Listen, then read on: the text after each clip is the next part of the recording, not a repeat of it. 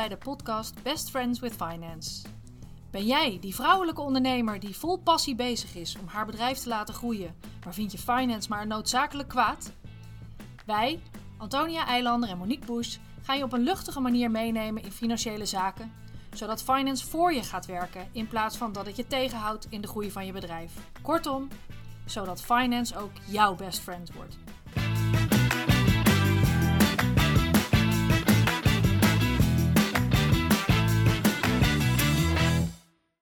Welkom bij weer een nieuwe podcast van de Best Friends in Finance. Monique en ik zitten weer gemoedelijk naast elkaar. Vorige week, dat schiep toch een afstand. We Ja. hebben ons er doorheen geslagen, maar we weten nu toch echt zeker dat we het liever zo doen. In geval van nood zal het misschien nog een keer voorkomen, maar dit is toch de allerfijnste manier. En voor ons ook weer een heel goed excuus om elkaar even te zien en even bij te praten. Dus we zijn weer samen. Monique, vorige week was het mijn onderwerp, dus Ja. deze keer mag jij weer wat uitzoeken. Ja. Wat heb je bedacht voor vandaag? Nou ja, mijn man zei ook van het weekend: van goh, wat heb je nou allemaal al beloofd aan podcast? Want iedere keer zeg je wel in een podcast: daar moeten we nog eens een keer een podcast over opnemen.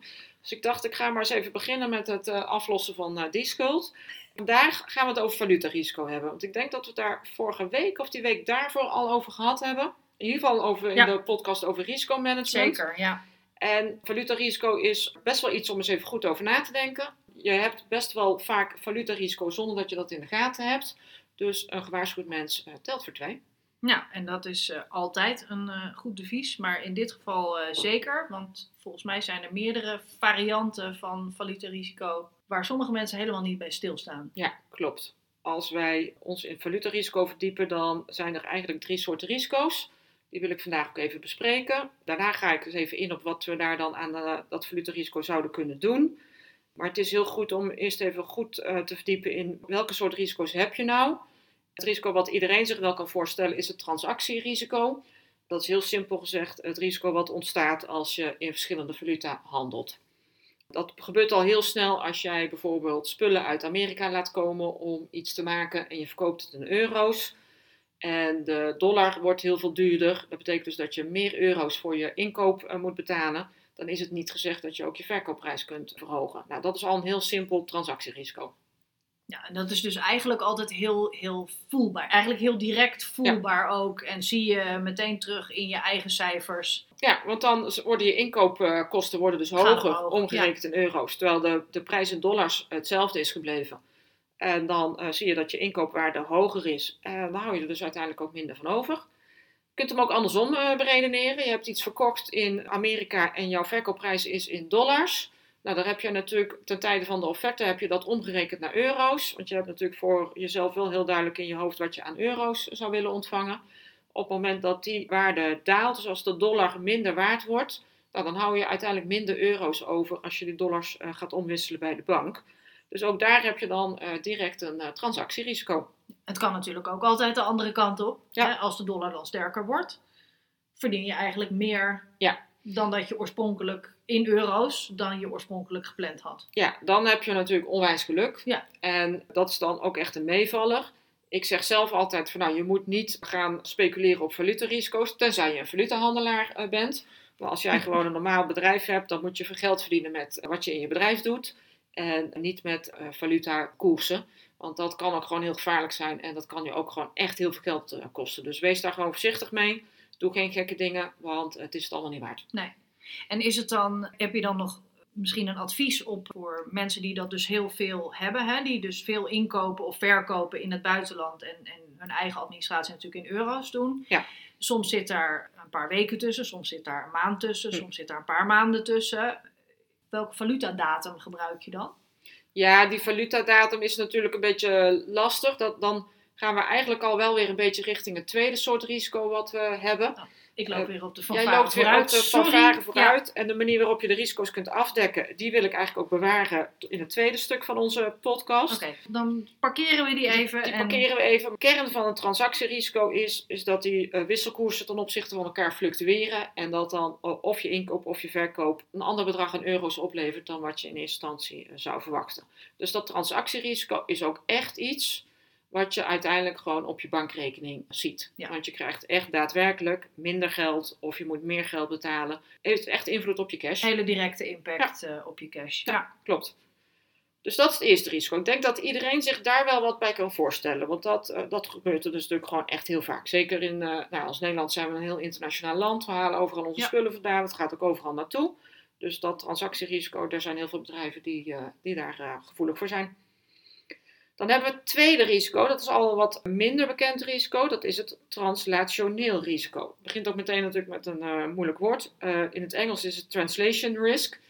En dat heeft ermee te maken dat als jij een Nederlands bedrijf bent, maar je hebt bezittingen in het buitenland of je hebt een eh, dochteronderneming in het buitenland, als je dan de balans en de verlies- en winstrekening gaat opstellen, dan moet je dat natuurlijk van bijvoorbeeld dollars naar euro's vertalen, euro's omrekenen. Dat betekent dat als die wisselkoers verandert, dat je dus ook gewoon een andere waarde op je balans of in je verlies- en winstrekening eh, hebt staan. Dit is allemaal wel boekhoudkundig. Dus zolang je niks verkoopt of zolang er ni- niks te gelden gemaakt hoeft te worden, is er eigenlijk niks aan de hand. Maar op het moment dat jij je activa die in dollars in het dochterbedrijf in Amerika daar geregistreerd staan en je wilt het meetellen in je balans of mee consolideren, ja, dan moet je dat natuurlijk allemaal naar euro's omrekenen. En dan kan dat eh, best wel een grote schommeling eh, geven. Ja. Zeker van het een naar het andere jaar. Maar dat is eigenlijk een risico waar je minder wakker van moet liggen dan het eerste risico. Ik vind het wel leuk dat je jezelf net eigenlijk bijna versprak. Ja. En dat je dus zei vertalen. Ja, Hè, je wil, je, je, wil je, je dollars naar euro's vertalen. Maar dat, dat komt natuurlijk ook wel een beetje uit dat translationeel risico. Ja. Want uiteindelijk is translation natuurlijk ook gewoon vertaling. ja inderdaad. Dus het is wel grappig dat je zelf ook die term gebruikt. Terwijl Ja. het eigenlijk natuurlijk gewoon conversie of eh, Ja. vaak meer om het omrekenen gaat dan het vertalen. Want je vertaalt natuurlijk geen Nee. currency. Nee, en nou, wat ik net zei, het is boekhoudkundig risico, dus het kan zich ook weer, eh, morgen is het weer anders. En natuurlijk kun je daar ook gewoon straks, eh, heb je manieren om dat valutarisico af te dekken. Maar qua cash heeft het minder impact dan het eerste risico. Ja, dus vooral papier. Nou, en dan de derde, en ik denk dat heel veel bedrijven die heel vaak vergeten, is het economisch risico. Dat wil dus zeggen dat eh, je concurrentiepositie beïnvloed wordt door de wisselkoersschommelingen. Heel simpel voorbeeldje. Als jij eh, machines verkoopt in Engeland, laten we maar eens even een andere valuta gebruiken dan de dollar.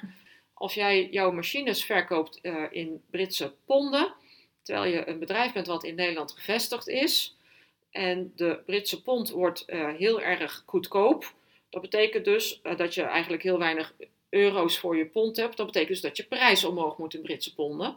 Daar hebben de fabrikanten die in Engeland zitten, die hebben daar helemaal geen last van. Dus hun prijs blijft gewoon wat die is.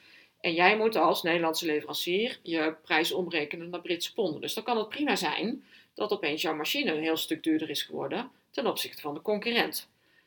Dat is niet iets wat je nou meteen als, zoals het transactionele risico, echt gelijk in je verlies- en winstrekening eh, ziet. Maar je merkt gewoon dat je concurrentiepositie is verslechterd. Ja. Dus een beetje een sluipmoordenaar. Dus daar moet je altijd wel ook heel goed eh, van bewust zijn. Ja, vooral als je inderdaad de grootste concurrenten in andere valuta-regio's zitten. Ja, absoluut. En we zien natuurlijk hetzelfde met eh, leveranciers uit het buitenland die hier in Nederland eh, spullen verkopen. Op het moment dat de dollar heel hoog staat, nou, dan is het eigenlijk voor Amerikaanse bedrijven heel interessant om in Nederland te gaan verkopen. In euro's eh, is dat, kan dat heel voordelig eh, worden, omdat zij dan nou ja, een lagere europrijs kunnen vragen. Dus daar moet je je heel goed van bewust zijn als je met je risicoanalyse bezig bent. Van, nou, in wat voor valuta produceren mijn eh, concurrenten? En wat betekent dat dan vervolgens voor mijn concurrentiepositie? Ja. En dat zie je dus wel als het echt heel erg fluctueert. Dan zie je dus wel dat gewoon bepaalde producten eigenlijk helemaal niet meer verkocht worden. Omdat gewoon vanwege de wisselkoers die producten gewoon veel te duur eh, zijn. En dus niet dat mensen er dan geen eh, belangstelling voor hebben. Maar ja, het is gewoon niet meer te betalen. Nee. nee, en het gaat dan ook echt om die verhouding. Zeker als je het over concurrentiepositie hebt. Dan gaat het echt om de verhouding. Maar het kan dus ook al zijn als je niet in die concurrentiestrijd zit. Maar gewoon puur omdat jij vanuit een andere valuta levert aan een land waar het Ja. ineens heel duur is. Dan, Ja. Zonder Ja. dat daar een andere concurrent tegenover staat. Ja. Gewoon omdat het dan te duur wordt. Ja, om omdat het gewoon dan te duur wordt. Ja, dus dan is er niks mis met, met je spullen. Nee. Nou, wat ik net zeg, het is een beetje sluipmoordenaar. ja is niet het eerste waar je aan denkt, Nee. eh, inderdaad. maar zeker aanwezig. En je ziet het ook echt in de automarkt, zie je het ook wel, dat, dat door de wisselkoersen bepaalde auto's uit landen opeens heel voordelig worden hier in Nederland, waardoor ze nou, heel veel verkopen, terwijl het misschien helemaal niet zo'n interessante auto is. Maar omdat die dan opeens heel betaalbaar wordt, zie je dat mensen daar dan toch uh, toe overgaan. Duidelijk, ja. Dus nou, we hebben eigenlijk drie soorten risico's. Die kun je ook gaan afdekken. Hoewel je dat uh, laatste risico, dat kun je eigenlijk niet zo heel goed afdekken. Daar moet je vooral heel goed van bewust zijn. Maar daar zijn op zich nog wel wat dingen aan te doen. Dus daar komen we zo meteen op. Het allermooiste is natuurlijk als je het gewoon op een natuurlijke manier kunt afdekken. Zonder dat je allerlei contracten hoeft af te sluiten. Zonder dat je. Uh, verzekeringen, verzekeringen dat, soort, uh, dat soort zaken. We noemen dat natural hedging. Dat zou je dus kunnen doen. Als je zegt van nou, ik moet een deel van mijn inkopen, die moet ik in dollars betalen. Ik ga ook kijken of ik een deel van mijn verkopen in dollars kan doen. Dus dan kun je eigenlijk je inkoop en je verkoop in dollars kun je met elkaar matchen. En dan maakt het eigenlijk niet zoveel uit welke kant die dollar op gaat. Want dan het voordeel wat je dan bij de inkoop hebt, dat heb je dan als nadeel bij de verkoop en andersom. En op die manier kun je dan natuurlijk gewoon natural die hedge eh, Balanceert dat een beetje. Heb je vaak wel meerdere bankrekeningen nodig. Ja, het is wel handig als Want je. anders blijf je het, het converteren. Ja, sowieso handig als je in verschillende valuta handelt om voor iedere uh, valuta gewoon een eigen bankrekening te openen. Dan kun je ook zelf bepalen tegen welke wisselkoers je dat omwisselt. Want als je uh, dollars op je eurorekening laat storten of ponden, nou, dan ben je natuurlijk een beetje aan de banken overgeleverd wat voor wisselkoers zij Precies, pakken. ja. Ja, ja, dan ben je die controle een beetje kwijt. Ja. ja. en als jij nou inderdaad zegt, nou ik heb een bepaald deel van mijn verkoop doe ik in dollars en die dollars gebruik ik om vervolgens ook weer spullen in te kopen. Ja. Nou, dan heb je met heel die wisselkoers van de bank niks te maken, want die wisselkoers is altijd in het voordeel van de bank. dus dan, dan kun je dat gewoon op deze manier hatchen zonder dat je veel kosten hebt, zonder dat het veel gedoe is. Eigenlijk op een hele natuurlijke Eigenlijk manier. pak je dan aan het begin één keer dat risico. Ja. Hè, de allereerste keer dat je, dat je daarmee begint. En dan, nou ja, uiteindelijk heb je dan gewoon een soort flow in die buitenlandse valuta die, eh, die over je eigen rekening heen loopt. Ja. En waar in- en outflows eh in Ja. zitten. Ja. En die natural hedging, die zou je ook kunnen gebruiken voor dat economisch risico. Ik zei natuurlijk net al, je kunt dat eigenlijk niet afdekken. Maar je zou wel, stel dat heel veel van jouw concurrenten in Engeland eh, gevestigd zijn, dan zou je natuurlijk kijken of jij misschien ook zelf meer in ponden kunt inkopen. Of nou, dat je kunt kijken hoe je minder afhankelijk wordt van die wisselkoers, maar dat je je kunt aanpassen aan de valuta die in het betreffende land eh, zit. Ja. Dat vraagt natuurlijk wel wat meer eh, zoekwerk. Dat is niet zo 1, 2, 3 geregeld. Maar dat is wel een manier waarop je ook gewoon dat risico weer eh, deels zou kunnen afdekken. Dus gewoon ook in ponden gaan inkopen, Engeland gaan inkopen, op die manier te zorgen dat je nou ja, eigenlijk weer op hetzelfde niveau komt als je concurrenten. Ja. Dat is dus eentje zonder al te veel kosten. Eentje waar je wel eh, ook wel gewoon goed advies moet eh, opvragen, dat zijn valuta-termijncontracten. Dat is een overeenkomst waarbij jij eh, nu afspreekt dat je in de toekomst op een bepaalde datum tegen een vooraf bepaalde wisselkoers bepaalde valuta koopt of verkoopt. Dus stel dat jij, je hebt iets verkocht in dollars en jij verwacht dat eind november te ontvangen. Dan kun je naar de bank of naar een andere valutahandelaar en dan kun je met de bank al afspreken van nou, ik ontvang 10.000 dollar eind november. Ik wil graag nu vandaag afspreken tegen welke koers ik dat dan aan de bank kan verkopen. Dan weet je dus nu eigenlijk al vandaag Hoeveel euro's je gaat krijgen hoeveel euro's je inderdaad eind november gaat krijgen zodra dat geld op jouw bank voor die dollars. Ja, ja. dat is heel fijn, want dan, dan heb je natuurlijk gewoon het risico al afgedekt. Want als je dan vandaag die deal sluit, dan weet je ook vandaag wat je er uiteindelijk aan over gaat houden. Kun je Dus- ook gebruiken in je prijsbepaling natuurlijk. Kun ja. je heel goed gebruiken in je prijsbepaling. Het is dan natuurlijk wel belangrijk dat je dan ook op het moment dat je ze moet leveren, dat je dan ook die dollars wel daadwerkelijk op je bankrekening hebt staan. Dus dan komen we weer op jouw vlak. Ja, Dan moet je natuurlijk wel zorgen dat jouw klant op tijd betaald heeft. ja, want anders ga je daar overheen en daar zit natuurlijk echt een deadline aan. Ja. En buiten die deadline krijg je dan niet meer die rate die je hebt afgesproken. Nee, dan is het weer gewoon Nee, de koers van dat moment. Dus dan loop je, moment, ja. loop je misschien nog wel meer risico dan wanneer je überhaupt niks gedaan had. Ja. Kan natuurlijk ook andersom. Hè? Je kunt ook met de bank afspreken dat jij op een bepaalde datum eh, een bepaalde valuta koopt. Dus je zegt van nou, ik heb in, eh, in Amerika iets gekocht. Ik moet dat eind november betalen. Dus beste bank, ik wil eind november wil ik graag zoveel dollar eh, hebben. Wat is de koers die ik daar dan vandaag voor af moet rekenen? Nou, en dan weet je dus eigenlijk gewoon vandaag al, van, nou, wat is mijn inkoopprijs van die betreffende goederen? Maar zeker inderdaad als het omgekeerd plaatsvindt en je, je spendeert het geld wat je... Hè, want het is natuurlijk niet gratis als je zo'n eh, contract afsluit. Nee. Daar betaal je voor. Dus het is inderdaad belangrijk dat je dan op zo'n moment wel heel goed in de gaten houdt. Dat je ook duidelijke en goede afspraken maakt. En zelf je eigen processen goed ingeregeld hebt. Ja. Om te zorgen dat dat geld dan ook op tijd binnenkomt. Zodat je ook wat hebt aan dat contract. En dat niet alleen maar geld kost. En wat wel een goede tip is, als je dit echt regelmatig gaat doen, ga dan niet altijd maar klakloos met je eigen bank eh, in onderhandeling. Nee. Ga dan ook eens verder kijken, want je hebt ook heel veel gespecialiseerde partijen. Het lijkt erop alsof het niks kost, maar de marge voor de, voor de tegenpartij zit natuurlijk gewoon in de wisselkoers. Dus het is wel heel goed om even eh, nou, twee of drie partijen naast elkaar te leggen. In het valutatermijncontract heb je dus echt ook de verplichting om eh, te leveren. Het kan natuurlijk ook prima zijn dat jij eh, wel je koers wil afdekken, maar dat je nog niet zeker weet of je het geld uiteindelijk ook hebt. En dan zou je een valuta-optie kunnen doen. Dan heb je het recht om bepaalde valuta te kopen of te verkopen, maar je hebt niet de plicht. Je hebt wat meer vrijheid op dat vlak. Ja. Wat ik zelf wel eens gedaan heb, is als we hele grote offertes uitbrachten, dat we dan eigenlijk gewoon voor de periode van de geldigheid van de offerte een valuta-optie kochten, zodat we in ieder geval voor die termijn die koers hadden vastgezet. En dan tegen de tijd dat dan de eh, offerte getekend werd, dan gingen we, zetten we die optie om in een valutatermijncontract. Omdat we dan zeker wisten dat we geld zouden krijgen. Nou, dit zijn natuurlijk allemaal best wel strategieën waar je over na moet denken. Dus dat moet je ook niet zelf allemaal gaan verzinnen. Daar moet je je goed in laten adviseren.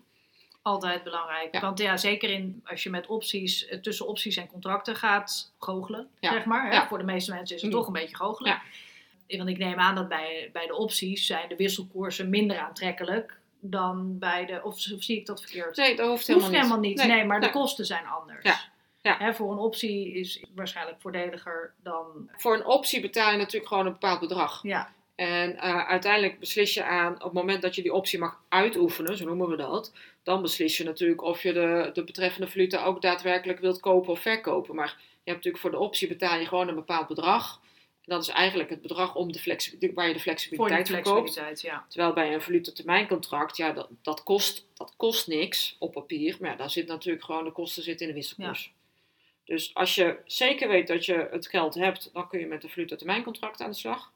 Als je niet zeker weet dat je het geld hebt, maar je wil wel het risico afdekken, dan moet je dat met een valuta-optie doen. Duidelijk. Nou ja, je kunt ook nog valuta swap doen. Dat is eigenlijk gewoon dat je valuta's omwisselt. Stel dat je nu bijvoorbeeld dollars over hebt. eh, die heb je voorlopig niet nodig, maar over twee maanden moet je een heel groot bedrag in dollars betalen. Dan kun je kijken of het interessant is om nu die dollars om te wisselen in euro's. En nu al af te spreken dat je, wanneer je ze weer nodig hebt, eh, tegen welke koers je vervolgens weer terugkoopt. Nou, dat, dat is eigenlijk nog, nog ingewikkelder. Dan moet je natuurlijk heel goed ook weten hoe je cashflow eruit ziet. Eh, we hebben al wel eens een keer over cashflow forecast gehad. Maar dan moet je dus ook inderdaad je euro's apart gaan eh forecasten. En ook je andere vreemde valuta. Dus dat vraagt echt wel serieus eh, een goede planning. Als je dat niet goed doet, nogmaals, je kunt er echt heel veel geld mee kwijtraken. Dat zijn eigenlijk drie oplossingen om daarmee aan de slag te gaan. Eigenlijk vier, want ik had natuurlijk ook die natural eh, hedging. Dat vind ik zelf eigenlijk altijd gewoon de, de beste. Ja. Want nou, dan heb je ook, verder ja. niemand anders bij nodig. Die snap je eigenlijk ook gewoon zelf het beste. Dus dat is wel een goede manier. Nou ja, en het, het beschermt je in die zin, je houdt het het meest tastbaar. Ja. Dus de pijn is ook echt op het moment dat je een verkeerde afslag neemt, goed weg. Ja, inderdaad. Dus hè, je, je bent er voorzichtiger mee, het is echt geld. Ja. Het loopt over je eigen rekeningen heen, Ja. dus je hebt veel meer controle over, over die risico's. Ja. Dus ja, en het zijn natuurlijk vooral manieren om het transactierisico af te dekken. Maar het translatierisico en het, economisch risico, daar kun je natuurlijk ook best wel wat in afdekken. Translatierisico, ik zeg ook wel vaak van jongens, dat is wat het is. Ik denk niet dat eh, bij Ahold iemand zich druk maakt over translatierisico, want daar is gewoon geaccepteerd dat het een bedrijf is wat over Het heel de wereld. jaar eh, ja. ja, betekent het dit en het volgende jaar betekent het En dat. het is ook Ja. maar een keuze hè, in welke valuta je eh, rapporteert. Dus het is niet meteen cash eh, op je bank. Dus er zijn ook heel veel bedrijven die dat translatierisico gewoon accepteren, omdat dat bij de aard van de business hoort. Het economisch risico, daar moet je natuurlijk altijd alert op blijven. En transactierisico moet je afdekken. Ja, en ik denk uiteindelijk zeg maar, de, de risicomanagement tips en tools zeg maar, die, die we net besproken hebben. En vooral als je kijkt naar natural hedging, dan is dat ook iets waarmee je deels je, je economisch risico eh, kan afdekken. Hè? Ja. Omdat je als je daar wat uitbreidt, dan Mhm. Dek je ook wat meer dat risico af. Plus translationeel maakt dat dan ook nog weer een, een klein verschil in, de, in de impact. Hè? Hoe meer je in de reporting currency al doet zelf, überhaupt in, in cash. Nou ja, het kan natuurlijk ook een hele eh, belangrijke factor in je beslissing zijn als je extra spullen wilt inkopen en je hebt offertes liggen uit verschillende landen met verschillende valuta. Dan zou het natuurlijk best, dat natural hedging zou dan best een factor kunnen zijn die, me- die meespeelt. Ja. Als je weet dat je bepaalde vreemde valuta eh, veel ontvangt, nou, dan wil je die vreemde valuta misschien ook wel weer eh, gebruiken om ergens in te kopen. Dus als je daar maar bewust van bent, dan kun je daar ook gewoon heel, eh, heel goed mee omgaan. Ja, kun je dat echt ook wel gebruiken voor andere businessbeslissingen. Ja. ja. Het doel van vandaag was natuurlijk vooral om mensen bewust te maken van het valutarisico. Ja. Omdat, nou ja, wat wij zien, het heel vaak helemaal niet van bewust zijn. Ook om te laten zien dat er heel veel goede manieren zijn om het af te dekken. Maar echt de waarschuwing, nogmaals, ik heb het al een paar keer gezegd, ga het niet zelf doen. Ga wel gewoon goed advies eh, zoeken. Ja. Maar weet in ieder geval dat er ook gewoon goede oplossingen voor zijn. Nou ja, en ik denk dat ook eh, de podcast van vandaag gewoon weer heel erg helpt bij het bewustwordingsproces van wat nou eigenlijk die verschillende types risico's zijn die er zijn. Ik denk je weer heel veel tips hebt gegeven ook van hoe kun je dat dan afdekken, wat zijn daar de verschillende opties in. Nou, dan hebben wij weer een hele mooie podcast volgens mij eh, rondgepraat. En dan willen we jullie bedanken voor het luisteren en we spreken jullie de volgende keer weer. Nou, tot ziens!